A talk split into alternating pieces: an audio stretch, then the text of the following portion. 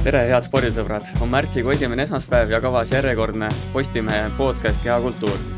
mina olen ajakirjanik Jarmo Jagamägi ja minu vastas istub kolleeg Karl-Robert Puhm. tervist! aga me pole siin Fale stuudios sugugi kahekesi, oleme külla kutsunud mitmevõistleja Janek Õiglase, tere Janek! tervist, tervist! kuna kohal on omal asjatundja, siis keskendumegi saate esimeses pooles just kergejõustikule, sest sisehooaeg on praktiliselt lõppenud. Janek, alustuseks väga lihtne küsimus, kuidas sul läheb? Tänud, tänud kutsumast esiteks ja tänud küsimast, mul, mul läheb täitsa hästi, et kõik liigub hetkel õiges suunas, nii nagu vaja. mainisin just, et sisehooaeg on põhimõtteliselt läbi, aga sinu jaoks sisehooaeg vähemalt sellisel võistlustasemel ei olnudki, et eh, miks see nii juhtus see aasta? Eks mul oligi äh, mõttes äh, sisehooaeg põhimõtteliselt vahele jätta, küll mul oli mõttes äh, selliseid võib-olla üksikalasid proovida, aga mingid teatud sellised probleemid tekkisid ja siis ei hakanud nagu otseselt riskima ja lihtsalt see point oligi selles, et äh, võimalikult äh, kvaliteetset trenni teha ja sest noh, olümpia tuleb suhteliselt vara ja on vaja juba põhimõtteliselt mai, mai lõpus, kui on esimene mitmevõistlus, on olla väga, on vaja olla väga heas vormis, et äh, see oli, see on ka üks põhjus, miks ma sisehooaja tegelikult üsna selliseks äh,, kuidas ma ütlen, et ma ei äh, keskendunud sellele niivõrd nagu iga, eelnevatel aastatel, et äh, see, see oligi põhimõtteliselt üks põhjus, et lihtsalt saada kvaliteetset trenni teha ja keskenduda juba suvehooajale. siin mitmevõistlejad väga ei taha kunagi nuriseda oma, oma tervise ja nii-öelda traumade teemal, aga kuidas sul see talv on olnud, et kas mingeid hädasid on olnud või, või selliseid vigastusi, mis segavad sind? Eks mina ütlen jälle sellise kümnevõistluse klassiku vastuse, et et kümnevõistlustel on alati midagi, et mul, mul selline kerge probleem pöiaga, et mingi periood ei lasknud korralikult joosta, aga kõik muu asi, just tehnilised osad trennides on nagu ikkagi ära tehtud, et just see asi lihtsalt oligi, et et mingi hetk oli see pöia probleem, siis ei hakanudki nagu otseselt riskima tre-, trennis ja tegelikult ka võistlustel, et siis, siis nagu oligi keskendunud, keskendusin juba, hakkasin mõtetega suve peale, et ei hakanud, ei hakanud nagu läbi valu pu-, push ima nii-öelda. kuna sa ise ütlesid, et jätsid vahele, et siis äh, räägi, et oled sa treeningutel äh, eraldi mingitele asjadele rõhku pannud, mingeid alasid spetsiaalselt rõhutanud või on selline üld, üldine trenn olnud äh, need paar kuud? Ei, tegelikult otseselt mingi aladele niimoodi spetsiifiliselt ei ole äh, pühendunud, pigem ongi see, et äh, saada füüsiliselt paremaks ja tugevamaks, et äh, olla valmis kaheks raskeks päevaks suvel, et pigem ongi see, et sellist plahvatust ja tugevust kehas olen otsinud, mida, mida tegelikult mul nagu looduse poolt väga ei ole, siis mul ongi vaja seda, selle kallal väga palju töötada on sul näiteks ka olnud äh, mingid kindlad sellised treeningul tagasiside mõttes äh, mingid äh, numbriline tagasiside, et liigud nagu õiges suunas, et äh, on sul mingid orientiirid olemas, et hooaja eel on äh, asjad liikumas õiges suunas? jaa, kindlasti olen, ma olen füüsiliselt, täna oligi selline, rääkisin treeneriga seda, et füüsiliselt olen, olen edasi arenenud juba ja tunnen ennast äh, kõvasti, kuidas ma ütlen, isegi võib öelda, et enesekindlamalt äh, just, et olen nagu sellist purakat ja sellist jõudu rohkem sees, et ma arvan, kõik, kõik asjad, mis me oleme hetkel teinud, on väga õiges suunas läinud. varsti täitub sul juba kahekümne kuues eluaasta, oled, ütleme, kogenud sportlane juba, et kui palju sul need treeningud on muutunud siin võib-olla viimaste aastate jooksul, kas see hooaeg on võib-olla, ma ei tea, kuidagi, kuidagi teistmoodi kui eelnevad? ei, ei ole tegelikult, et äh, ikkagi põhieesmärk on äh, ikkagi noh, igal sportlasel, igal isegi täiskasvanud ja noorel sportlasel on olla, kõige tähtsam olla terve, et see, see on nagu point igal, igal sportlasel, ma arvan, ja tippsportlasel, et seda alati proovime, proovime nagu vältida, et vigastusi, vigastusi just vältida. aga treeningutes põhimõtteliselt praegu ikka paneme samamoodi edasi ja ei, suurt muutust küll ei ole olnud. räägi, kellega sa igapäevaselt trenni teen, et tean, et sul on päris hea punt seal, kellega koos, koos üksteist utsitada ja kellega tulevaks olümpiahooajaks valmistuda? hetkel mul on äh,, treener on Andrei Nazarov, siis äh, koos minu, minu trennis, küll ma ei tee nendega asju koos, on Ksenia Balta äh,, Läti mitmevõistleja Laura Iganetse ja siis äh, ka üsna tihedalt teen trenni Keiso Pedriksiga, kes äh, sisehooajal nüüd tegi väga, väga hea tulemuse, et äh, ma arvan, tema on, ma arvan, isegi mina olen teda natuke mõnes mõttes aidanud ja tema on ka mind aidanud mõndades asjades trennis, et äh, selles suhtes mul on, mul on hea meel, et äh, selline selline nagu kus, kus ma ütlen, et äh, noormees on ka grupis, kes mind ka tagant utsitab mm. -hmm. ta oma supertulemuse järel, mis ta siin Eesti talvistel meistrikatel tegi, tõkkesprindis, siis rõhutaski mulle, et ja Jarek, kust on talle suur abi andnud, sellepärast ma küsisin ka ah,. no seda on tore kuulda, et äh, kindlasti ma olen üritanud teda jah, igas, igas mõttes aidata, nii palju kui äh, minu kogemused, noh, ega mul midagi selliseid hullu kogemusi küll pole, aga neid kogemusi, mis mul on, neid kõike edasi anda talle. kuidas see talvine treeningplaan selles suhtes on välja näinud, et kas sa oled äh, siin kodumaal teinud või oled vahepeal sooja ka natuke kontidesse lasknud kuskil, kuskil välismaal? Jaa, detsembrikuus tegelikult eelmine aasta, noh, võib öelda nüüd Eesti, eelmine aasta detsembrikuus äh, olin Lõuna-Aafrikas äh, kuu aega, et äh, seal sai korralikult joostud ja selles suhtes sellise jooksu põhja alla tehtud küll, et äh, see soe, soe on igal juhul väga vajalik ja et mulle see on Lõuna-Aafrikas väga meeldis, et äh, tagasi tulles äh, siis oligi, tekkiski tegelikult väike see probleem, siis olen äh, tavaliselt nagu normaalset trenni teinud ja eks äh, kevadel hetkel, hetkel on plaanis äh, Euroopa piiridesse, et arvatavasti Hispaaniasse, mida, midagi sinnakanti äh, minna ka natukene treenima ja sooja saama, et äh, see on kindlasti lihastele liigestele kindlasti väga hea. Millise pilgu seda sisehooaega vaatasid, et siin ütleme, et sinu konkurendid ERM kuus tuhat ükssada neliteist seitsmeteistkümnest, Ilga kuus tuhat üheksateist, Risto Lillemets tuli niisugune natuke mees metsast, et eh, tegi natuke, kuidas öeldakse, hellaks ka need siin konkurentide head tulemused. Ei, hellaks kindlasti mitte ei teinud, pigem mina just tee peal, kui ma sõitsin siia, siis ma mõtlesingi, et äh, selline küsimus tuleb, et siis ma ütlen kohe ausalt, see, see ongi üks äh, kõige suurimaid motivaatoreid hommikul üles tõusmast ja trenni minemast, et äh, olla oma küla nii-öelda parim. et äh, see sisemine konkurents on ainult edasiviiv jõud, et mulle isiklikult väga meeldib see ja sulle vähe, väikeseks tähe, tähenärimiseks mina ütleks, et Risto Lillemets küll mees metsast pole, et ta, mina nägin, mina uskusin, et ta kindlasti võib kuus tuhat teha ja kogu see punt, mis äh, Art Arvisto punt, ehk siis Rosenberg, Tšernovski ja Lillemets äh, liiguvad kindlasti väga õiget äh, rada mööda ja ma arvan, nende sihid on kindlasti üle kaheksa tuhande ja ma arvan ka selline kaheksa kakssada, olümpianormi ma veel ei oska öelda, aga sinnakanti ma kindlasti ei, ei oleks üllatunud, kui nad teevad. Ometi on meil kodune sisemine kõva konkurents viinud olukorda, kus nagu sa ise ütlesid, tuleb kötsises juba väga hea olla, et praegu on meestel nii võimsad tulemused all, et äh, kuigi sa oled seal kümnevõistluse reitingus päris heal kohal, et siis oled ise juba välja öelnud, et tahad ikkagi kötsises selle Tokyo normi täis teha, et et kuidas see nagu sind mõjutab, et kui sa, muidu on sul alati olnud selline hooaja selline parim aeg, niisugune hooaja lõpus, et nüüd tuleks vist teha kaks sellist vormi tippu, mis on sinu jaoks kindlasti uus olukord jaa, ei, see ongi üks tegelikult põhjus, mis ma eelnevalt ka rääkisin, et sisehooaeg nagu sellepärast tegelikult jätsingi vahele, et teha pikem, pikem ettevalmistus ja kui kevadel laagrisse minna, siis juba hakata rahulikumalt trenni tegema, et tavaliselt oli kevadel, ma veel panin korralikku tampi, et olla, olla hooaja lõpus vormis, et nüüd ongi see, et kui laagrisse minna, siis, siis juba täitsa nagu kergelt ja hakata vormi timmima. aga arvatavasti äh, kõige suurem, ma arvan, kon-, konkurent, kes võib äkki äh, olümpianormi täita, on äh, Tilga, et äh, tema teeb juba esimese kümnevõistluse arvatavasti aprilli lõpus, vist seal on Georgia Invitation, midagi taolist. et see on, tuleb väga suur, tugev selline konkurents, et siis, siis peale seda saab, saab näha, mis, mis vormis ja olekus ta on, et eks mina ja ma ma arvan, minu jaoks saabki kõige raskem olukord ongi see, et saada esimeseks võistluseks juba sellise vormi, mis äh, mis äh, lubab ka teha nagu äh, olümpianormi, et äh, et see, see on kindlasti üks, ma arvan, suurimaid, suurimaid selliseid katsumusi minu jaoks, sest mulle isiklikult meeldib hooaja lõpus võistelda ja sellise tiitlivõistluse mees mina tunnen ennast, et see, see annab mulle sellise teistmoodi mineku.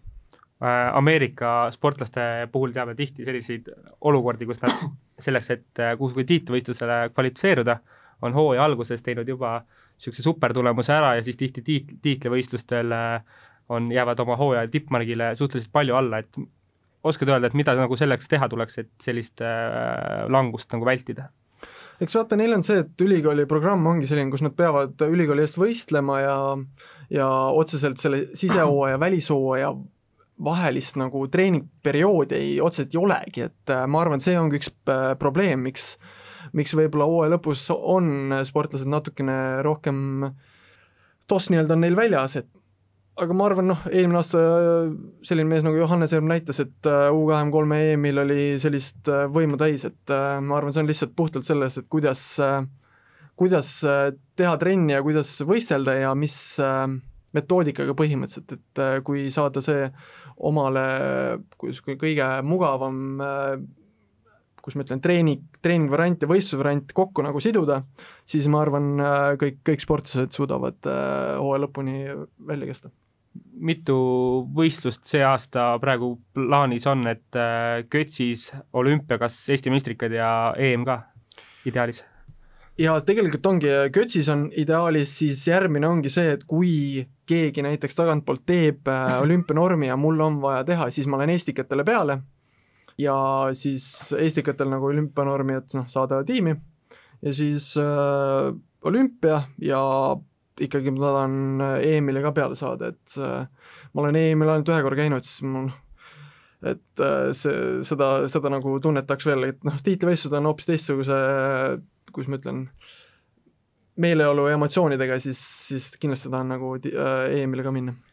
Kui nüüd reaalselt võtta, kas kaheksa tuhat kolmsada viiskümmend tagaks kindlalt olümpiakoha või sa arvad, et äh, teeb neli meest selle ära meil? hea küsimus, hea küsimus äh, see on selline, tegelikult see on ikkagi väga kõrge summa, et see ei ole üldse niimoodi, et äh, paberi peal ma arvan, kõik Eesti vennad võivad mõnes mõttes isegi selle teha, aga just see, kuidas kokku panna, et äh, ma isiklikult mõnes mõttes loodan, et keegi teeb selle, siis mul on hoopis nagu selline äkki kuidagi teine tuhk tuleb sisse, kas Kötsisse või Estikatele, et siis äh, selline mõnes mõttes väike pinge toob kasuks, nagu mul noh, eelmine aasta oli Rakveres, mul ei olnud normi ja tulin nagu tulin nagu ja tegin ära selle, et äh, ma isiklikult arvan jaa, et kolm meest teeb kindlasti, aga seda nelja ei oska öelda, kas, kas neli või, või kolm. kolm ma arvan, aga kas nelja, see on selline fifty-fifty. aga kas sina oled see kolmas mees, et selles mõttes, et eelmine aasta sul ei tulnud kaheksa tuhat kolmsada täis näiteks, et kui enesekindlalt sa tunned ennast? peale eelmise aastast äh, Doha võistlust ma võin öelda, et ma füüsiliselt kindlasti olin võimeline äh, seda tegema, lihtsalt seekord ei suutnud kahjuks kokku panna nii hästi, kui näiteks Londonis oli, et kui ma oleks oleks muidugi paha poiss, aga oleks samamoodi enam-vähem kokku pannud kui Londonis, siis äh, ma arvan, see summa oleks alanud kas kaheksa viiega, mina arvaks. su tippmark on kaheksa tuhat kolmsada seitsekümmend üks kahe tuhande seitsmeteistkümnenda aasta augustist, et äh, kui sa tunned, et nüüd sealt edasi minna, kas sa paneksid pigem igal alal natuke juurde või on sul mõni niisugune koht, kus oled, oled nagu kõvasti, kõvasti eda-, edasi läinud ja kus võiks kõva punktiparanduse saada näiteks? ma tunnen lihtsalt teine päev on see, kus äh, kus on võtta väga palju, et tõkkejooks, kettaheide, peivashüpe, et odavise ka, et äh, ja noh, põhimõtteliselt tegelikult isegi tuhande viiesaja meetri jooks, et teine päev on selline küll mul võrreldes isegi noh, üsnagi paljude kümnevõistlejatega, mul on teine päev üsna okei okay,, aga ma tunnen, et see on see koht, kus minu trumbid on välja vaja käia ja seal on vaja areneda, et aga ma ikkagi ütlen nagu kümnevõistlused, äh, et igas alas ikkagi proovin äh, areneda ja paremaks saada meil on sel aastal kergejõustikus kavas selline muudatus, et äh, Eesti meistri, Eesti meister kümnevõistluses saab äh, otsekoha Euroopa meistrivõistlustele, kui ta teeb kaheksa tuhat punkti. et enne meil oli juttu sellest, sellest ala laiast kandepinnast, et meil on hästi palju mehi, et kuidas sa nagu sportlasena hindad, et kas kiidad sellist Kergejõustikuliidu sellist algatust, et äh, Eesti meistrile koht Euroopakatel või näed sa seal mingeid varjukülgi? kusjuures mina olin seal miitingul ka, kõik kümnevõistlused kutsuti kohale ja mina olen väga nõus sellega, sest äh, olümpiale saavad need, kes äh, täidavad normi ja ongi nagu reaalselt sellises äh, noh, maailma tasemel nii-öelda, et äh, siis ongi see, et nii suur, nii suur nagu konkurents on, et äh, ka natuke selline madalama tasemega sportlane on võimalik saada tiitlivõistlusele, et see ongi see, et selline minu arust innustav värk ja mulle, mulle isiklikult väga meeldib see, see point, et kindlasti tehti minu, minu silmis väga õige otsus selles osas. ütlesid, et ideaalis tahaksid nii olümpiat kui EM-i, et seal vist a la mingi kuu aega on vahet, et kas on reaalne üldse mõlemal võistlusel teha, teha selline väga korralik tulemus või see EM jääks sellisel juhul selline, ütleme, et läbitegemine on võib-olla natuke valesti öelda, aga, aga mitte, mitte nii suure rõhuga? või see on tehtav? Ei, muidugi tehtud, kui ma jälle nüüd ütlen nagu eelmist hooaega, ega ma tegin Superliiga ja Eestikate vahe, mul oli põhimõtteliselt kolm nädalat, et mina tegin sellega, sain väga hästi hakkama, küll teine päev oli raske, aga kuu aega on minu, noh, isegi natuke vähem, nel-, nelja nädalaga saab väga hästi, saab väga hästi äh, ennast vormi timmitud, et lihtsalt oleneb, kuidas, kuidas peale olümpiat nii-öelda oma mentaalselt just äh, olla jälle valmis trenni tegema ja uueks võistluseks valmistumine, et äh, tavaliselt on see, et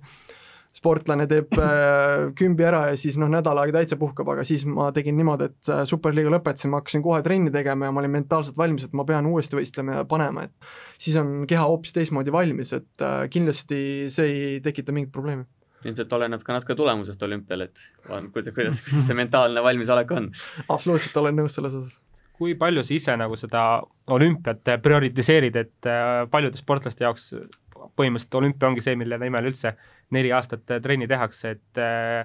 kas olümpia on sulle ka nagu elu eesmärk olnud või, või on see olümpia selline lihtsalt kõige tähtsam võistlus? Ehm, ega mõlemad on mõnes mõttes äh, need, mis mind innustavad, et olümpia jah, see nelja, nelja aasta tagant, see on lihtsalt nii suur asi, et sportlase eluiga, noh, sportlase mitte eluiga, vaid sportlaskarjäär nii-öelda on nii lühike, siis selle nelja aasta jooksul korra olümpiale jõuda ja seal hästi esineda, siis see on ikkagi väga, väga suur, suur asi, et ma arvan, kõik sportlased ma arvan, kõikide inimeste jaoks isegi see, et olümpial pääsemine on juba väga suur asi, et ka ma arvan, iga sportlase jaoks ja minul on see unistus ja eesmärk olnud juba päris pikka aega, et ma tahtsin juba kaks tuhat kuusteist proovida sinna saada, aga ja siis ma olin äh, noor ja uljas ja siis ma ei osanud väga hästi kokku panna enne seda võistlust äh, tulemust, et siis, siis äh, tahaks kindlasti see aasta peale saada selgita natuke kuulajale ka, et äh, just seda kümnevõistluse fenomeni, et kuidas panna kõikidel aladel selline korralik äh, tulemus punktisummaks kokku, et kui raske see on, et teame, siin Eestis on ka mõned kümnevõistlejad, kellel üksikalade tulemused on nagu väga hea, aga paratamatult nagu see kümme ala, et ühel alal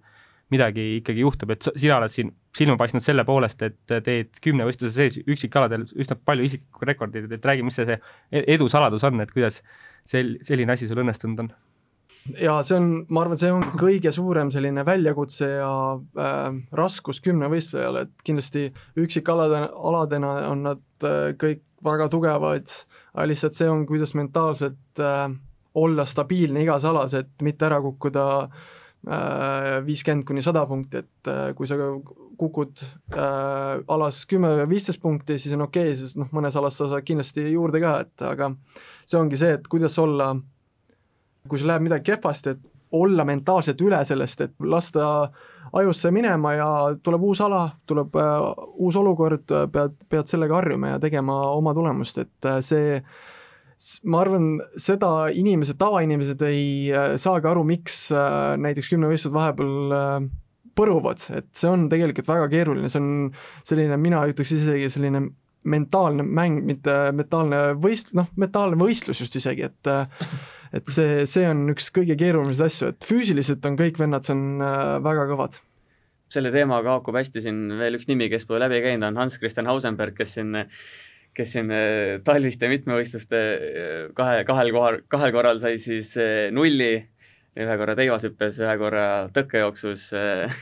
kümnevõistluses on teatavasti tal tuhat viissada kõige nõrgem ala, aga mees kuidagi ei anna alla ja tahab ikkagi mitmevõistlusega edasi minna, kuigi ilmselt on tal palju soovitajaid, kes ütlevad, et hakka kaugust hüppama, et mis sa Hans Kristjani kohta oskad öelda? ma ütleks seda, et ta on üüratu talent, no looduslik talent, et see on täiesti müstiline, et selline kutt teeb selliseid tulemusi, et see on noh, see näitab, et ta on, talle on looduse poolt selline, selline talent antud, et äh, see on nii raske küsimus, aga ma ütleks niimoodi, et kui, kui kutile meeldib teha ja püüelda kümnevõistluses kuhugi, siis äh, lase aga minna aga kindlasti mina näen, et ta oleks kuskil mõnes üksikalas kindlasti äh, suurem tegija. ja, ja siin mitmevõistluse kokkuvõtteks äh, ütlesid, et oled olümpiast unistanud, aga kas sa olümpiamedalist ka julged unistada, et äh, seal tuleks ikkagi mõned sajad punktid juurde panna isiklikule rekordile, et sinna küündida vist? alati, kui ma võistlema lähen, siis ma mõtlen, mõtlen äh, olla võimalikult hea, et äh, proovida kõikidele, noh, ikkagi konkurentsi pakkuda ja selles suhtes äh, mina mõtetes ikka olen kõige kõrgema peal, et ma arvan, imelik oleks öelda, kui, kui ma küsiks mõnelt teiselt kümnevõistluselt, kui sa lähed olümpiale ja sa mõtled, et proovid sinna kahekümne hulka saada, siis ma arvan, see on veits imelik, imelik vastus oleks, et äh, iga sportlane mõt-, mõttes on ikkagi kõige kõrgem koht ja ja ega kui eestlasena mõelda, siis mina tahaks olla ka nagu oma küla kõige, kõige parem mees, et siis, siis ka arvatavasti tuleb üsna kõrge koht. jaa, ja siin natuke tahaks rääkida ka sellisest mehest nagu Armand Duplantis, kes siis on viinud eh, teevashüppe maailmarekordi kuue kaheksateistkümne peale, et eh, Janek, ma tean, et sina oled siin ka mingil hetkel teinud väga kõva arengu teivashüppes läbi, et, eh, et räägi kõigepealt, kas see Duplantise kuus kaheksateist on niisugune mingi ulmeline asi, mis nüüd juhtus või kuidas, mis pilguga sa vaatad seda Rootsi noormehe arengut? ei no kui ise oled teevashüpanud, siis mõtled, et meetri juurde panna samale tulemusele, mina olen hüpanud, siis on täitsa ulmeline ja aga kui teada, kuidas, kui vanalt ta alustas teevashüpet, siis tal on see lihtsalt teosõppe või teiba tunnetus on täiesti erakordne, et äh, ükski, ükski noor, ma arvan, ükski selline sportlane pole nii noorelt alustanud sel-, sellise ala nagu teosõppega. ja ma mäletan, käisin TV10 olümpiastardis ka, õnnitlesin äh, noori sportlasi, kes on ka teivashüpe ja seal ma tõin ka välja, et üks ala, mis on kõige tähtsam, mida noored peaksid kui nad tahavad kergejõustikuga alustada, kas nad teevad kümnevõistlust teevashüpet või hakkavad isegi kaugust kuulitõuget, igatahes tuleb alustada teevashüppega. see on kõige tehnilisem ja kui sa, kui, kui hakata oskad, oskad juba noorena sellist asja tunnetada, siis, siis on hoopis lihtsam tulevikus täiskasvanu läbi lüüa. et minul oligi probleem see, et mina alustasin teevashüpet alles ma võin reaalselt öelda mingi kahekümne ühe aastaselt vist äh, et äh, enne seda ma lihtsalt tuikusin, see on kuskil teiba otsas, et see oli kohutav vaatepilt, et äh, kui ma nagu selle nagu paika sain, siis, siis nagu iseenesest tuli see tulemus, et tul-, noh, tulemus hakkas arenema. Aga kui Armandist rääkida, siis äh, kutt on väga kiire, kerge ja tehniliselt täiesti müstiline, et mina, mina arvan, et isegi see maailmarekord võib äh, kuue kolmekümnega alustada varsti, et äh, kui ta, kui ta suudab äh, terve püsida. Duplantise puhul on palju juttu olnud sellisest uuest äh, nimest, et äh, kui Usain Bolt läks äh, et siis kergejõustikul oli natuke selline staari puudus, et noh, Bolt, Bolti ümber ehitati seda kergejõustiku mainet nagu üsna palju, et näed sa seda, et kas Duplantisest võiks, noh, teivashüpe ei ole päris saja meetri jooks, aga kas Duplantisest võiks nagu tulla kergejõustikule selline uus kaanepoiss, kelle üle, kelle abil seda nagu ala nagu populariseerida ja jälle nagu rohkem pilti tuua? Kindlasti, kindlasti, ma arvan, ta isegi mõnes mõttes ongi praegu mõne selline uuema generatsiooni superstaar kergejõustikus ja ja ega tema tulemused ja üleüldine teivashüppe tendents näitabki, et ma arvan, tema ongi seda äh, kogu äh, kvali-, kogu sellist kvaliteeti naiste ja meeste teivashüppes ka tõstnud, et sellist populariseerimist selles osas, et ma arvan, tema on üks suur faktor selles osas, et see on väga vinge Duplanti puhul on ka palju juttu olnud sellest, et ta sai küll siserekordi endale, aga välisrekord on endiselt Sergei Pupka nimel. Et palju on siis diskuteeritud teemal, et kas sees on äh, oluliselt lihtsam hüpata kui väljas, et sinul on ka mõlemad kogemused olemas, et sinu puhul on ka nagu siserekord on äh, parem, et oskad öelda, et et kas see väljas tuul ja ilmastik on ikkagi pigem kahjulik faktor, et väljas seda nii head tulemust äh, on raskem saavutada? jaa, kindlasti stabiilsuse mõttes on sees hoopis lihtsam hüpata, et äh, väljas, kui joppab nii-öelda põhimõtteliselt taganttuule, siis, siis ma arvan, ta hüppab äh, kindlasti selle maailmarekordi ära, aga kui on selline keerutav tuul, siis on äh, sellisel noh, üsna kergel poisil raskem hakkama saada, et äh, aga kui saab äh, hea taganttuule, siis, siis ta, ma arvan, saab sellise natukene veel jäigema teiba võtta ja siis lendab veel kõrgemale, et aga just stabiilsuse mõttes, kuidas ta nüüd näitas, et viis võistlust vist üle kuue meetri et see näitabki, et äh, sees on nagu hea stabiilne, ei ole mingit äh, muid faktoreid, mis mõjutavad äh, tehnilist sellist, tehnilist, kuidas ma ütlen, seda on nüüd raske öelda, et tehnilised faktori, et, et et ja sees on kindlasti stabiilsem ja parem hüpata, mina, mina isiklikult ütleks seda. Janek, räägi natuke sellest teivashüppe tehnilisemast poolest, et võib-olla siin nende võhikutel on natuke segaseks, et kuidas, kuidas see asi nagu täpselt käib, et kas ma ei tea, nüüd ta hüppas seal kuus kaheksateist, kas ta võttis mingi pikema teiba või, või kuidas see nii-öelda dünaamika seal toimib, et ma ei tea, võta pikk teivas ja hüppa üle seitse meetrit, et nii, nii see asi vist päris ei käi, et et räägi, kuidas see nii-öelda tehnilise poole pealt see, see ala üldse käib Äh, eks äh, kõige rohkem tegelikult üle vist oma hoide nii-öelda on hüpanud Kendriks äh,, Sam Kendriks ja vist see mm, noor vene kutt, kes eelmine aasta, Morgunov mm. -hmm et nemad hüppavad vist, no ega ma täpselt informatsiooni ei tea, aga nelja üheksakümnese teibaga ja siis nad on neli kaheksakümmend umbes, et äh, ma olen kuulnud, et Armand hüppab vist viie, viiekümne, viie kahekümnese teibaga, ühesõnaga hoia on tegelikult juba kakskümmend, kakskümmend viis senti kõrgem. et noh, miks ei võiks nagu Kendriks hüpata lühema teibaga, aga see ongi see, et et äh, kui madalam hoie, siis seda stabiilsem hüppamine on, Kendrikson ka tegelikult vist hüppas, ma ei tea, mitu võistlust järjest üle viie kaheksakümne, et see oli nagu et kõik sellised faktorid, no näiteks see kahe tuhande viieteistkümne aasta maailmameister Sean Barber, tema hüppab üldse vist viie kahekümne viiese või viie kolmekümnese teibaga, et aga aga see, kuidas äh, sa tunnetad või kuidas ku,, jah, kuidas sa tunnetad teivast ja kuidas ta viskab, et see on äh, teist, teistmoodi asi, et sa pead olema kiire, sa pead olema füüsiliselt tugev, sa pead olema tehniliselt väga osav, et kõik need asjad lähevad sinna kokku, et ma arvan, see on üks kõige selline kergejõustikulaadsem spordiala tegelikult, sa pead reaalselt kõike keha osi oskama hallata ja osa, osata nagu treenida ja võimalikult hästi kasutada, et äh, teeoshüpe on nii põhjalik ala, et seda, seda võibki üksipulgi siin rääkima jääda, et aga aga lihtsalt äh, Armandi kasuks räägib ju see, et ta on lihtsalt noorest saati äh, teibaga kuidas ma ütlen, tuikunud isegi, et äh, ja sellega ongi selline tunnetus tekkinud, et oskab teivast maksimaalselt ära kasutada. arvestades, et sina oled nüüd korralikult teivast hüpanud mõned aastad, et mis sa arvad, kus sinu piir on, et õues vist oled viiskümmend hüpanud ja see siis üheksateist siiamaani? eks ma tahan saada, mul on põhimõte, noh ega kümpis on see, et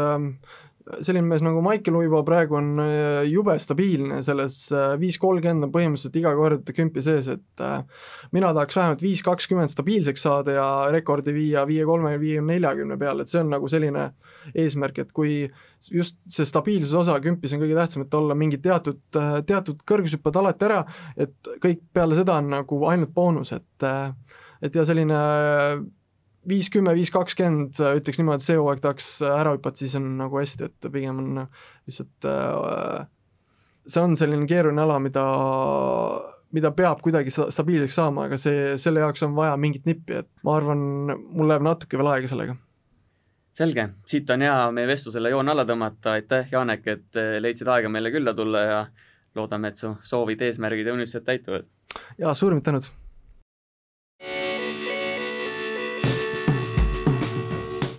suur aitäh Janek Õiglasele, kes meiega natuke kergejõustikujutte rääkis, aga aga spordimaailmas juhtus eelmisel nädalal veel palju asju, mille nüüd ka äh, läbi hekseldame ja, ja natuke läbi arutame, et äh,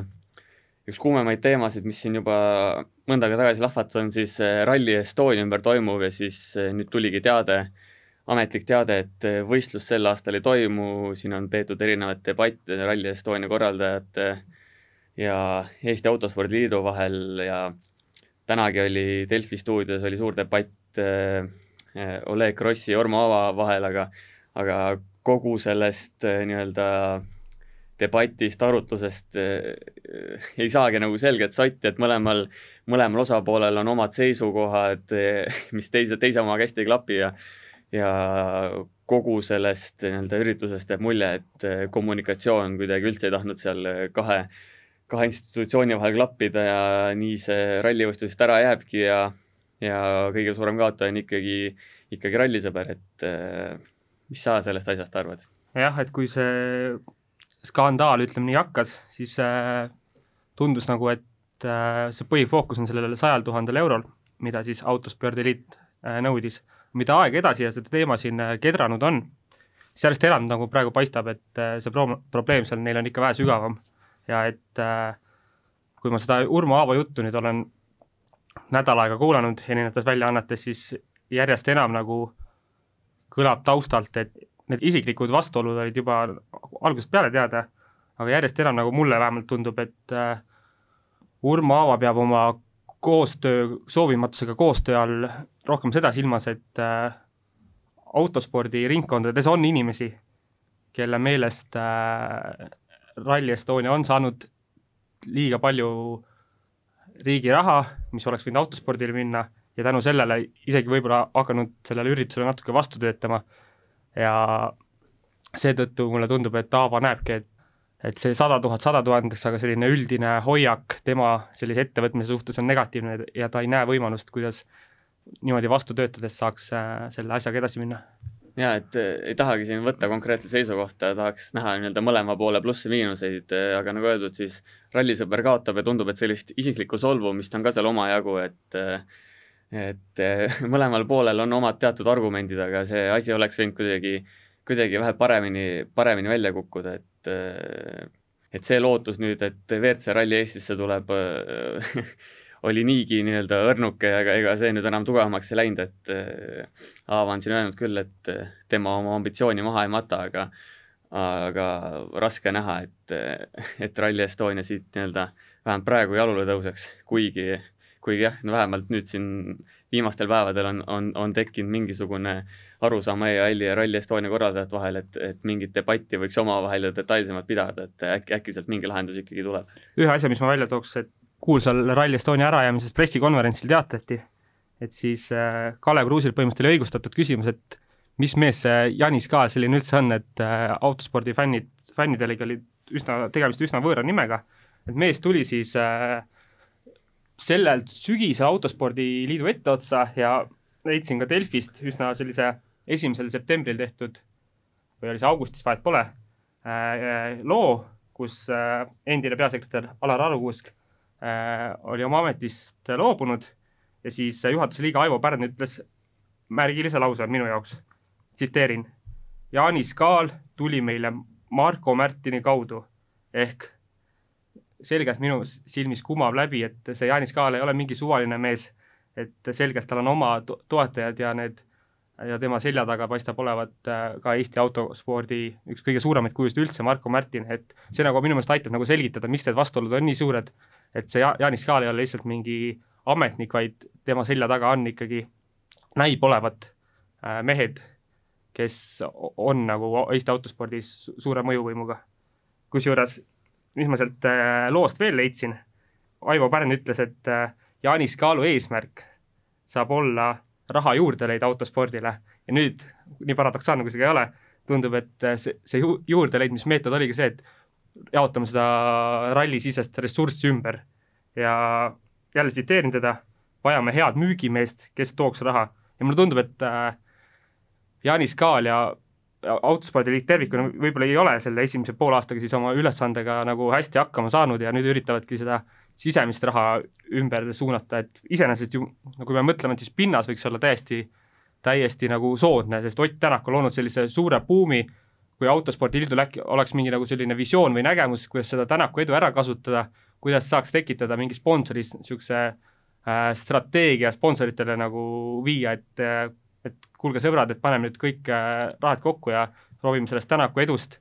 äh, midagi püsivamat luua, aga praegu tundub, et jah, et et äh, üht, ühtset nägemust ei ole, kuidas selle autospordi arengut Eestis tagada ja niikaua, kui see kemplus siin jätkub, siis tundub, et et sellest Tänakust, Tänaku fenomeni kanaliseerimisest äh, autospordi üldiseks hüvanguks äh, ei tule midagi väga välja või ütleme, sellest võiks võtta palju enam, kui ilmselt äh, seda tehakse. jah, olgem ausad, et siin mitteametlikes juttudes äh, on igasuguseid hämaraid teooriaid ja vähem, vähem teooriaid välja käidud, et äh, eks siin on natuke seotud ka auahnuse, raha ja kõige muuga, et võib-olla see kõik tuleb kunagi päevavalgele, võib-olla mitte, et et eks paistab, mis sealt edasi saab, aga paistab, et eh, sel suvel vähemalt sellisel kujul, nagu siin viimastel aegadel harjunud oleme, Rally Estoniat ei toimu. jah, ma lõpetuseks veel, et tänaselt Aava sõnumist jäi kõlama üsna nagu tugevalt see,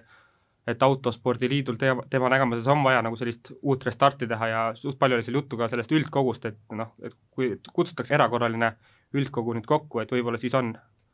on selliseid uusi muutusi tulekul ja niisugust ühtsemat suunda, aga praegu tundub olukord küll väga segane ja ja vajab kindlalt mingit, mingit suurt muutust. jah, nagu öeldakse, pole, pole halba ilma, ilma heata ja vastupidi, et loodame, et midagi head sellest ärkab. aga selle nädala alguses oli ka võistlustules Eesti parim tennisist Anett Kontaveit, kes siis Doha turniiri teises ringis kaotas Arina Sabalenkale, kes muide selle turniiri hiljem ka võitis, et et natuke natuke kõrgemal kohal oli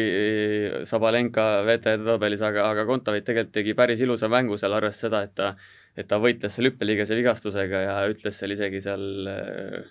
teise seti keskel treenerile, et põhimõtteliselt ma kõndida ei saa, aga aga mängida saan, et, äh, et see kokkuvõttes kuidagi positiivne on see Kontaveidi selle hooaja algus andnud. jah, et võis ju karta, et kui pikk vigastuspaus oli selja taga tal, et et kuidas see hooaja alguses minema hakkab, aga esimesed märgid on küll olnud väga positiivsed, et tegelikult ta Austraalia lahtistel mängis ju korralikku tennist, Fed Cupil sai Elinas Vitolinast maailma top kümne mängust jagu, nüüd äh, äh, Ühendemiraatides Dubais tegi hea turniiri ja nüüd ka, et ise ütleks, et see Arina Sabalenka on täpselt üks võib-olla kõige ohtlikumaid mängijaid seal esikümnes, et niisugune väga jõuline ja niisugune agressiivne mängija, et kindlasti noh, Kontaveit on ta ka varem ka mänginud, et Anett juba enne mängu ütles, et tõenäoliselt Sabalenka hakkab domineerima seda kohtumist ja noh, nii ka läks. et äh, palju on sa-, tema puhul nagu oli kinni, mis sealt mängust nagu minu jaoks järeldus oli see, et äh, Sabalenka, et kui ta, Sabalenka teeb väga, väga vähe vigu, siis on tema vastu väga raske saada, et sellise mängu domineerimises ta on minu subjektiivse hinna, hinnangul üks maailma üks kõige nagu võimsamaid tennisiste. Et äh, seal Doha turniiril tõesti valgevenelanna mäng nagu sujus ja netil äh, oli nagu jah, raske, mitte et ise üldse halvasti mängis, tegi korraliku turniiri, aga jah, kui hilisem turniiri võitja äh, tuli vastu, et siis see loos oleks võinud ka võib-olla natuke soodsam olla. jah, me tuletame meelde, et seal eh, samas toas esimeses ringis üsna kindlalt Kontaveit Anastasia Sestovast jagu sai ja teise ringi jõudis, et jah, tervikuna mulle tundub, et Kontaveit on just natuke edasi läinud sellise vaimse poole pealt, et et see vigastusega mängimine näitas ka, et selle seti ta võitis ka, kus ta seda vigastuse üle kurtis, et varem ta mingitel hetkedel langes üsna niisuguse natuke auku, aga nüüd tundub, et ta on kuidagi enesekindlam ja ütleme, vaimselt tugevam. jaa, seda oli ka näha, kui ta servimurrete järel, kui vastane suutis tema servi murda, siis Kontaveit sageli hiilgas sellega, et murdis nagu kohe tagasi ja ei lasknud ennast nagu väga rööpast välja viia, et äh, vaimselt oli ka kindlasti jah, tugevat esitust. jaa, ja jätkame jalgpallilainel, täpsemalt siis äh, jalgpallimeistrite liiga, mis paljude eestlaste ja vutisõprade meeli erutab äh, nüüd on, eelmise nädalaga sai läbi play-off'i avavooru esimene ring ja äh, siin viimased neli kohtumist. Teisipäeval äh, Chelsea kaotas koduväljakul Bayernile null kolm, Napoli, Barcelona mängisid üks-üks viiki, Lyon alistas üks-null Juventuse ja Madridi Real kaotas üks-kaks Manchester City'le, et äh, ega siin väga suuri üllatusi võib-olla ei olnud, kui see Juventuse kaotus välja arvata, aga ütleme nii, et selles mõttes, et see seis ei ole neil ka nii, nii õnnetu, et sealt ei võiks välja tulla. Manchester City tegi muidugi väga kõva avalduse siit edasiminekuks, et võõrsil kaks-üks äh, Reali võita, Sergio Ramos sai seal punase kaardi, kui enne play-off'ide algust peeti Manchester Cityt äh, sel aastal võib-olla isegi suurimaks favoriidiks, siis äh, olukorras, kus neil Inglise liigas enam mitte midagi püüda ei ole, tundub, et City on äh, tegemas väga kõva avaldust, erinevalt liiga rivalist Liverpoolist, kellel on väga raske seis, et äh, võõrsilt kaks-üks võit, Manchester City šansid on kindlasti head, aga Juventus noh, eks see selline üks-null kaotus kindlasti nagu on kõike muud kui hea, aga ütleme, et kui Juventus, ma arvan, oma mängumasinad käima saab, siis kahe väravaga Lyoni võita ei ole. valitseva Itaalia meistri jaoks nüüd üle suur, üleliia suur vägitegu.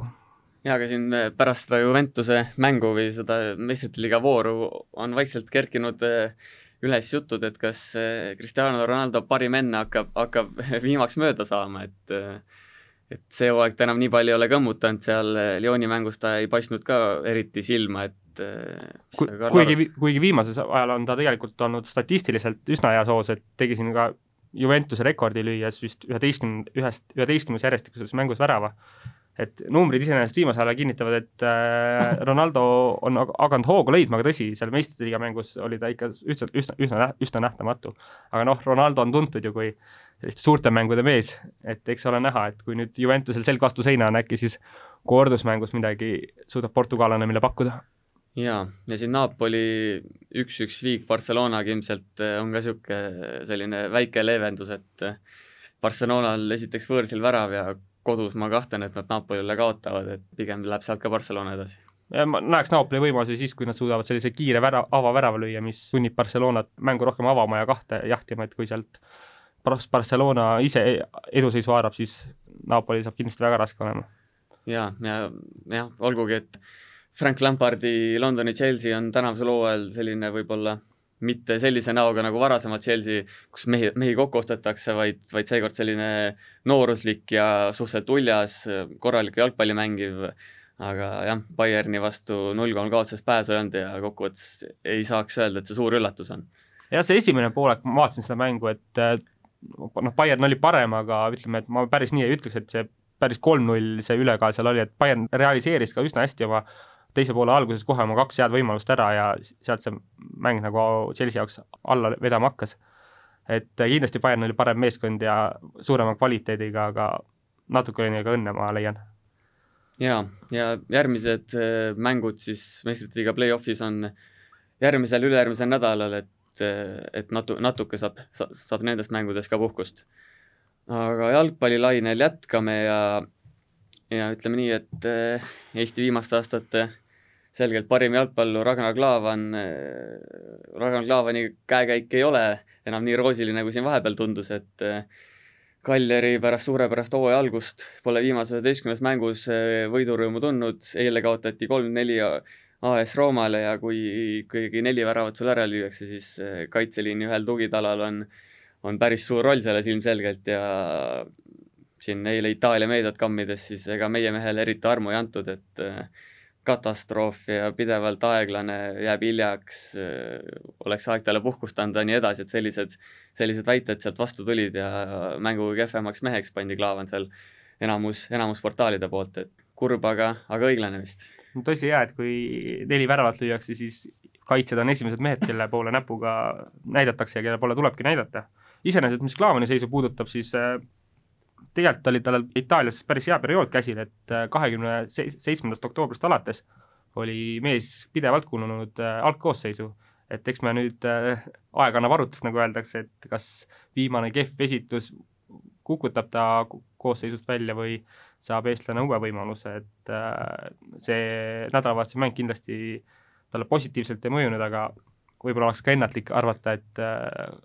et ta mäng Galjaris nüüd täitsa kokku kuivab jah, et seal vist oli üks mees oli vigastusega, no sinna pikalt väljas olnud, et see on veel nii-öelda ekspertide arvates hoidnud äh, Klaavanit väljakul, aga, aga jah, et, et võib-olla see suur mänguaeg ongi selle, selle nii-öelda võib-olla vormilanguse taga, et see viimastel hooaegadel ju Klaavan ei olegi nii palju järjest, järjest mänginud, okei okay,, Itaalias on üks mäng nädalas, aga ikkagi, et äh, stabiilsel platsil, stabiilsed rasked mängud seal Itaalias, kogu aeg kiire tempo, et et äh, Klaavani siin viimased hooajad on ikkagi nii-öelda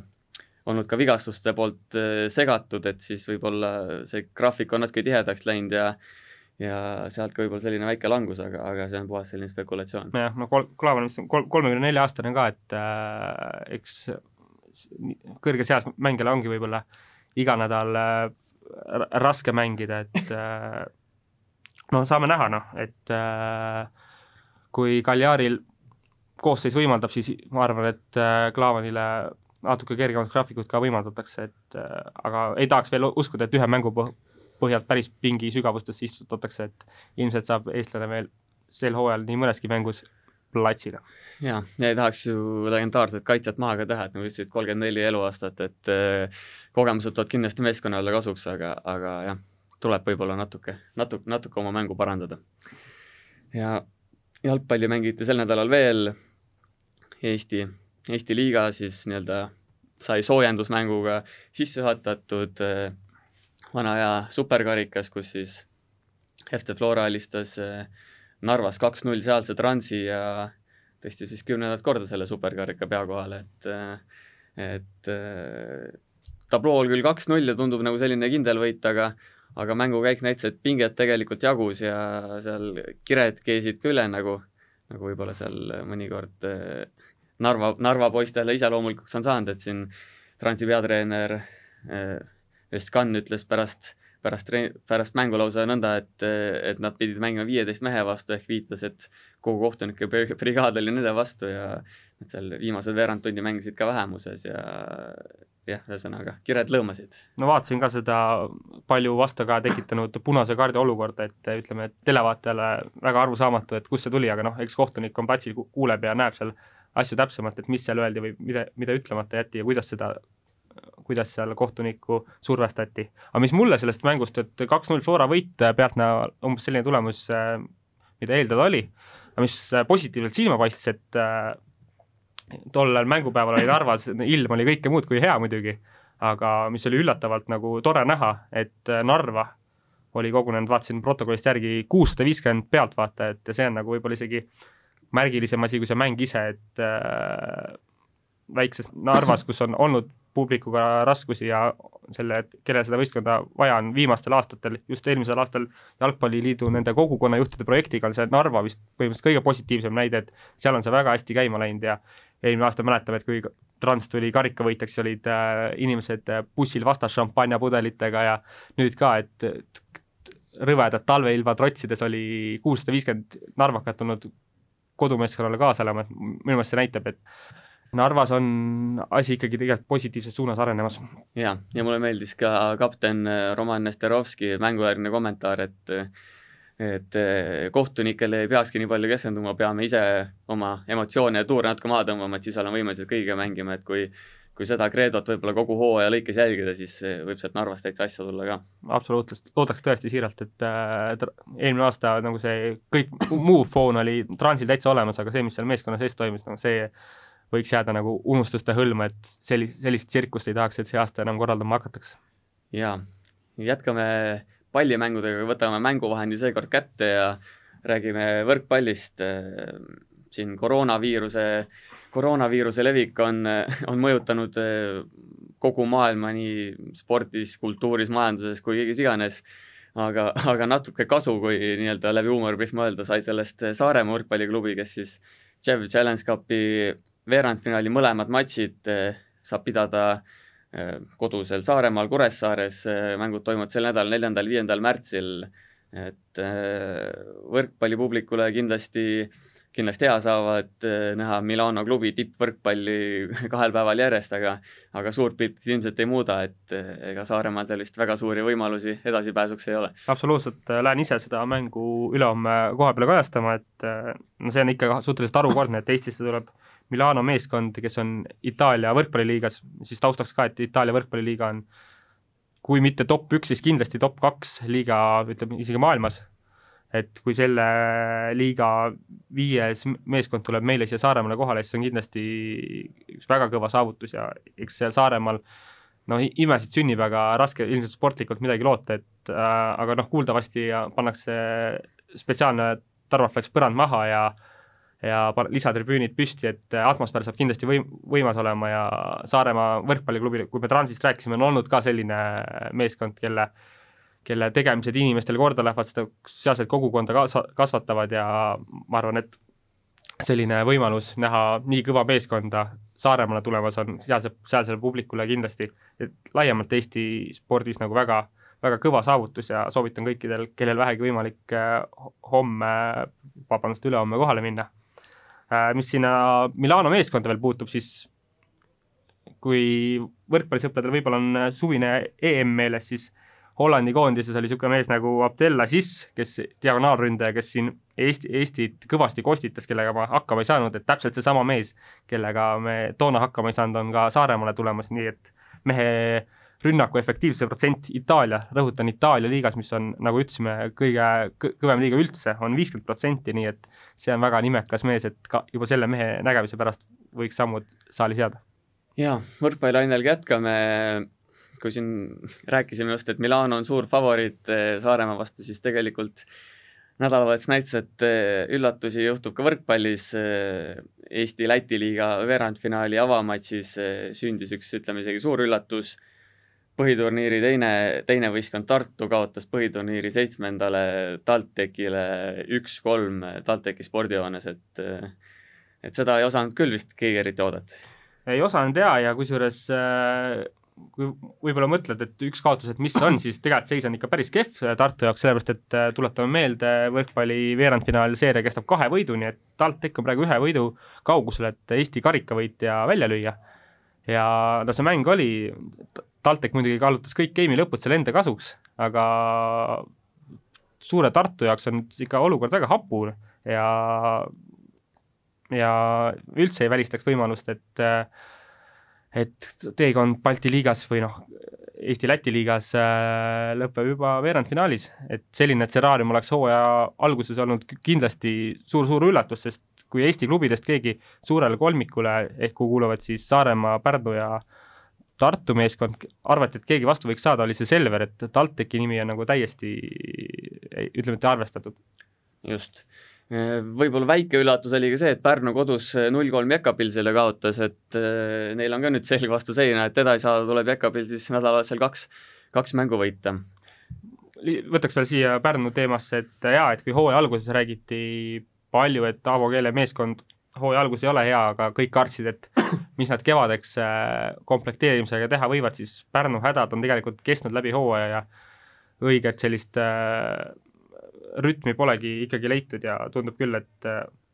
et Pärnul saab väga raske olema sealt võõrsilt see kaks võitu kätte, kätte saada. jah, eks need vigastused on neid ka räsinud, et eilegi pidi olema noor kaheksateistaastane Voogel mängis sidemängija positsioonil ja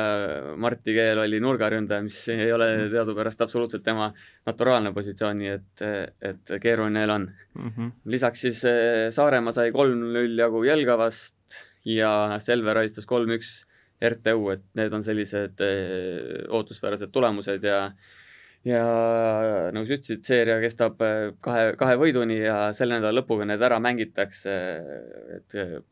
kui läheb vaja kolme mängu, siis pannakse kaks päeva järjest ja ja selle nädalaga selguvad neli paremat, finaalturniir peetakse kolmeteistkümnendal ja neljateistkümnendal märtsil Saaremaal. jaa, ja jätkame jalgrattasõiduga Eesti viimaste aegade üks paremaid tegijaid, eh, Tanel Kangert, eh, on endalegi üllatuseks hooaega päris hästi alustanud, eh, mitmel võistlusel kõrges mängus olnud ja siin ühel Prantsusmaa klassikul teenis ka teise koha ja ei olnud seal üldse mingisugused naljamehed vastas, et mees on tõestanud, et vorm on väga hea ja ja nagu ta isegi ütles, et et esimest korda on ta hooaja alguses heas hoos, et tsiteerin äh, uue treeneriga kogunud ma talvel pelgalt kilomeetreid, vaid reaalselt treenisin, et äh, väga positiivsed märgid hooaega silmas pidades. jaa, et juhtusin nägema siin talvel ühte intervjuud Taneliga, see oli pikem intervjuu ja siis Tanel rääkis ka, et see hooaeg, tal on üks aasta veel praeguse tiimiga lepingust järele, et see hooaeg on tal eesmärk hooaja alguses juba võimalikult heas vormis olla, et kiiresti lepingu asjadega ühele poole saada, enda väärtust tõestada ja et see on tema tavapärasest äh, ettevalmistusest tuleb see hooaeg kindlasti natuke erinev. mis äh, Kangerti puhul on veel see aasta teistmoodi, on see, et äh, ta on kogu oma talvise ettevalmistuse teinud Gironas, kus ta on saanud sõita pidevalt jalg, jalgrattaga ja ta ise on palju rõhutanud seda, et ta leiab, et tema vanuses eas on tal vaja, et sellist erialast tööd teha rohkem, et sellist baasvastupidavust kas joostes või suusatades temal enam äh, koguda pole vaja, et tal, et ja see Gironas elamise võimalus on talle seda pakkunud ja tundub, et see asi on ennast õigustanud. jaa, üheteistkümnendal märtsil siis Tanel Kager tähistab kolmekümne kolmandat sünnipäeva, et äh, ratturi kohta väga okei okay vanus ei ole, mingisugune noormees, aga selline paras küps aeg, et teha nüüd võib-olla elu parimad tulemused ära, et äh, miks mitte. parimates aastates kindlasti, jah. Äh, ja lõpetuseks äh, räägime natuke ka talispordist, eelmisel nädalal peeti laskesuusatamise EM, mis pidi algselt toimuma Eestimaal Otepääl, aga, aga viidi Valgevenesse, kus tegelikult ei olnud ka ilmaga kiita, et üle, üle riigi sealt äh, lõpuks Minski, Minskis asuv staadionile lumi kokku kraabiti, et need olud olid seal suht keerulised, enamasti seal ütleme, et eraldi stardisõitudes viimased, viimased startijad või teise, teise poole startijad sõitsid paraja pudru sees, et need tingimused päris võrdsed ei olnud, aga aga kui nüüd vaadata nüüd Eesti sportlaste poolelt, siis äh, tuleb vist tõdeda, Karl, et äh, see EM-i tase, kus äh, suuremaid tippe ei olegi, ongi nagu meie sportlaste tase praegu, kus natuke kõrgemaid kohtagi püüda. jah, vaatasin ka seda, olen ise suur laskesuusatamise sõber ja vaatasin seda võistlust ja ütleme, nii, et üsna masendav pilt oli ikkagi seda vaadata, et roheline muru õitses ja, ja rada oli jah, niisugune kokku veetud keset keset rohe, rohelist. Noh, see korraldus oli ka seal no muidugi üsna naljakas, et kõige markantsem juhtum võib-olla oli see, kui start anti mitte stardipüstoliga, vaid vilega, et noh, see näitas selle võistluse kohta nii mõndagi, et aga taseme poolest tundub, et see on niisugune Ibu kapi sarnane võistlus, kuhu on tulnud siis äh, Ida-Euroopa riikidest parimad kohale, et äh, jahtida siis ettevalmistustoetusi, nagu ka Eesti sportlastel, et äh, miks seal kõik Eesti tipud kohal olid, et teatavasti, kuna tegu on EM-iga, siis paljudes riikides, nagu ka meil, on EM-i headel kohtadel sõitjatele ette nähtud äh, olümpia ettevalmistustoetused ja palgafondid ja eks need Ida-Euroopa sportlased kõik seda seal kõrget kohta püüdmas olid, et hea näide oli Andres Rastor-Kuujaps, kes iga aasta seal käib ja seekord ka teise kohaga välja sprindivõistluselt tuli. jaa, meie Eesti koondise siht oli ilmselt segateatesõidule seotud, aga kahjuks seal ütleme, üsna reaalsed medalivõimalused läksid Kalev Ermitsa vahetusse, kes kes on laskmisega hädas olnud ja oli ka seekord, et äh, esimeses lamatestiirus üks, üks trahviring ja püsti lausa kaks, et äh, sellele vaatamata kuues koht teenida on üsna, üsna tubli tulemus. ja kui vaadata ka neid sõiduaegu, siis Eesti oli tegelikult ikka väga konkurentsis seal jah, ütleme, et äh, kui top kolm kohad oleks, top kolm oleks toonud kõikidele Eesti nelikule EOK teise kategooria, B-kategooria toetused, siis tegelikult me väga kaugele sellest jäänud, et ideaalse laskmise kohal korral oleks olnud täitsa reaalne, aga jah, olen nõus, et see, see sõit sinna Kalevi vahetusse jäi, mis veel ütleks, oli natuke negatiivne üllatus, et Tuuli Toomingas on olnud see aasta oma tervisega kimpus ja ja sõiduga väga hädas, aga see, et ta sprindis nulliga nii palju kaotas ja põhimõtteliselt oli mitte, mitte kuskil, see oli selline ohumärk, et et tundub, et kui ta ise lootis, et ta hooaja hakul läheb järjest paremaks, siis tundub, et võiks, ilmselt tuleb hakata vaatama juba uut hooaega, et siit vaevalt enam väga asja saab. jaa, Tuuli hooaeg on olnud tõesti kõige suurem müsteerium, aga mis vist sealt võib-olla näppude vahel natuke jäi, tasub välja tuua, Tali Härma kolmeteistkümnes koht nii sprindis kui ka jälitussõidus äh, ja äh, supersprindis Akna kahekümne viies, kvalifikatsiooni kaheksas koht Ermits kahekümne seitsmes, et äh, oleks need sellised MK numbrid, näitajad ole, oleks päris hea, aga EM-il nagu üleliia särada nende, nende, nende valgus ei tahaks. mina ütleks, et EM-il, kui just esikümne koht oleks olnud selline õnnestumine, et praegu oli selline, Johanna tegi, ütleme, oma ära, aga midagi ekstra säravat ei olnud. jah, aga laskesuusahooaeg veel jätkub lõbusalt vist päris paari etapiga, et siin juba sel nädalal äh, Tšehhis äh, põrutatakse edasi ja eestlased lähevad ka kindlasti korralikus koosseisus sinna peale. kuhu publik ei pääse, sest viimaste info, viimase info kohaselt peetakse võistlus suletud tribüünide ees ja põhjus üllatus-üllatus, tuttav koroonaviirus. jaa, ja kõige lõpetuseks veel natuke Kristjan Ilvesest ka, kes siin äh, pärast hooaja esimese poole vigastust on saanud juba üsna korralikult võistelda mitmel, mitmel etapi, MK-etapil kaasa teinud, aga kuidagi ei tule sellist äh, maakeeli öeldes siis korralikku purakat, et lahtis ka kahekümne kuues koht. Äh, okei okay,, seal reedesel eelvõistlusel oli, oli neljas, põhivõistlusel segas tuulkaart ei, ei tulnud hüpe hästi välja, aga, aga kõige rohkem vist tekitab ikka muret see suusakiirus, et äh, seal natuke üle neljakümne võistleja oli lahtis, aga jälle seal äh, neljanda kümne alguses oli Kristjan oma suusakiiruse poolest. vaatasin ja ka seda, et kolmekümne kolmas sõiduaeg vist tegelikult kaotus, Ritsek näitas seal kõige kiiremat sõiduaega, Johannes Ritsek, sakslane siis äh,, oli niisugune poolteist minutit, et iseenesest kui nagu väga hea hüpe õnnestuks teha, nagu tal proovivoorus õnnestus siis tegelikult niisuguse sõiduga noh, niisugune niisugune top kakskümmend koht oleks kindlasti nagu väga reaalne, võib-olla isegi kõrgemale. aga jah, paraku ei ole need ka hüpped just otsustavatel hetkedel nagu välja tulnud ja ega palju katsetamisvõimalusi enam ei ole, et äh, kaks etappi on veel jäänud ja ja kui sealt ka veel midagi ei tule, siis on see hooaeg ka natuke ikkagi aia taha läinud, nagu ka eelmine, et äh, kahju natuke, et Kristjan oli selline PyeongChangi olümpia-aastal ma mäletan, suurt kella löödi tema ümber, et et sealt tuleb, sealt tuleb, praegu kaks aastat on nüüd natuke sellises äh, paigaseisus kulgenud, et äh, loodaks väga, et järgmiseks hooajaks mees saab teha korraliku ettevalmistuse ja teha selle uue arenguhüppe, mida kõik ootavad, et praegu on tal natuke õnnetult läinud vigastuste tõttu. Jah, et mingid probleemid tal on kogu aeg olnud, aga pole midagi parata, need käivad tegelikult spordiga kaasas, loodame, et tal tekib mingi hetk, kus ta saab nüüd saab nüüd rahulikult ja muretult ka valmistuda hooajaks ja hooaja kaasa teha, et siin Õhtulehele antud intervjuus ta ütles ka õnneks, et et Norra koondisega on ilmselt jätkamas kuni järgmise, vähemalt järgmise taliolümpiani, et see on kindlasti positiivne märk, et kokkuvõttes ta ütleski, et et sel hooajal jääb kogu aeg midagi puudu, kas siis hüppel, hüppel või suusarajal, et et võib-olla ei õnnestugi sel, sel aastal seda õiget võistlust kokku panna, aga kui, kui see juhtub järgmisel, ülejärgmisel aastal, siis oleme ka rahul. Jah, et Norra koondise kindlasti on praegu üldseisu vaadates kõige parem koht, kus treenida üldse, sest norrakad on, on näidanud see aasta, et tegemist on praegu kõige kõvema kahevõistlusriigiga, noh, ütleme naljahamad võivad öelda, et seal ainult kaks riiki ongi, Saksamaa ja Norra ja see tegelikult pilt on päris kurb, aga kindlasti on Ilvese jaoks kindlasti väga positiivne, et ta saab maailma parimatega koos treenida ja ja nendelt õppida, et ta ise on ka ju korduvalt rõhutanud seda, kuidas Norras see süsteem toimib ja et kõik on väga, iga väiksem kui detail on äh, suurima vaatluse all, et kahtlemata need treeningtingimused ja asjad on, võiksid nagu eeldada, et sealt saame veel midagi positiivset näha. jaa, siit ongi hea meie juttudele joon alla tõmmata, kindlasti tasub kuulata ka Postimehe värsket podcasti Mängumehed, kus arutluse all on kõige tähtsamad korvpalliteemad, mis siia saatesse ei mahu. aitäh kuulamast ja kohtumiseni järgmisel nädalal! kohtumiseni!